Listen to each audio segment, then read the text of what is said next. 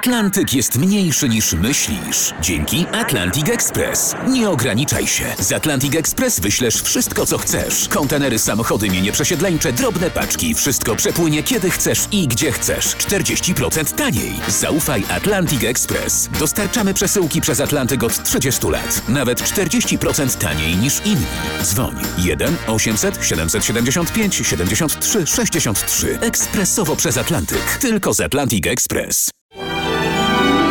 Mało kto dziś pamięta. Datownik historyczny prezentuje Maciej Korkuć. Mało kto dziś pamięta, że 22 marca 1913 roku Louis Barthou został premierem Republiki Francuskiej. Barthou miał wówczas 51 lat. To był szczyt jego kariery politycznej i urzędniczej.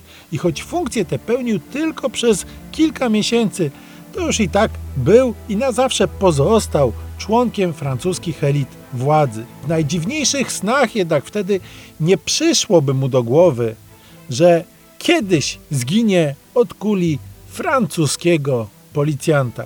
Było tak. Z wykształcenia Barthou był adwokatem. W 1889 roku został posłem do francuskiego parlamentu.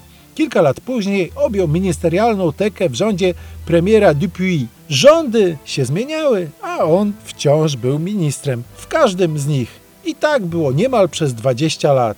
W marcu 1913 roku właśnie został premierem. Tuż przed końcem roku, w grudniu, funkcję tę stracił, ale wielokrotnie będzie jeszcze szefem ważnych resortów. Ministrem wojny, ministrem sprawiedliwości. Po I wojnie światowej w parlamencie przewodniczył Komisji Reparacji Wojennych. W latach dwudziestych znowu był najpierw ministrem sprawiedliwości, a potem ministrem spraw zagranicznych. W 1934 roku przyjmował w Marsylii króla Jugosławii Aleksandra I Karadziordziewicza. To był monarcha, który przekształcił wspólne państwo narodów bałkańskich w nową formę Wielkiej Serbii. To wzbudzało opór m.in. Chorwatów i Macedończyków. I oto jeden z tych ostatnich w czasie uroczystego przejazdu króla Aleksandra I ulicami Marsylii wyciąga broń i strzela. Ginie zarówno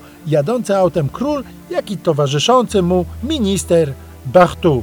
Przez lata uważano, że Francuz zginął od strzałów zamachowca. Tymczasem badania przeprowadzone w latach 70. XX wieku udowodniły, że śmierć Barthou poniósł od kul jednego z policjantów, którzy próbowali strzelać do zamachowca.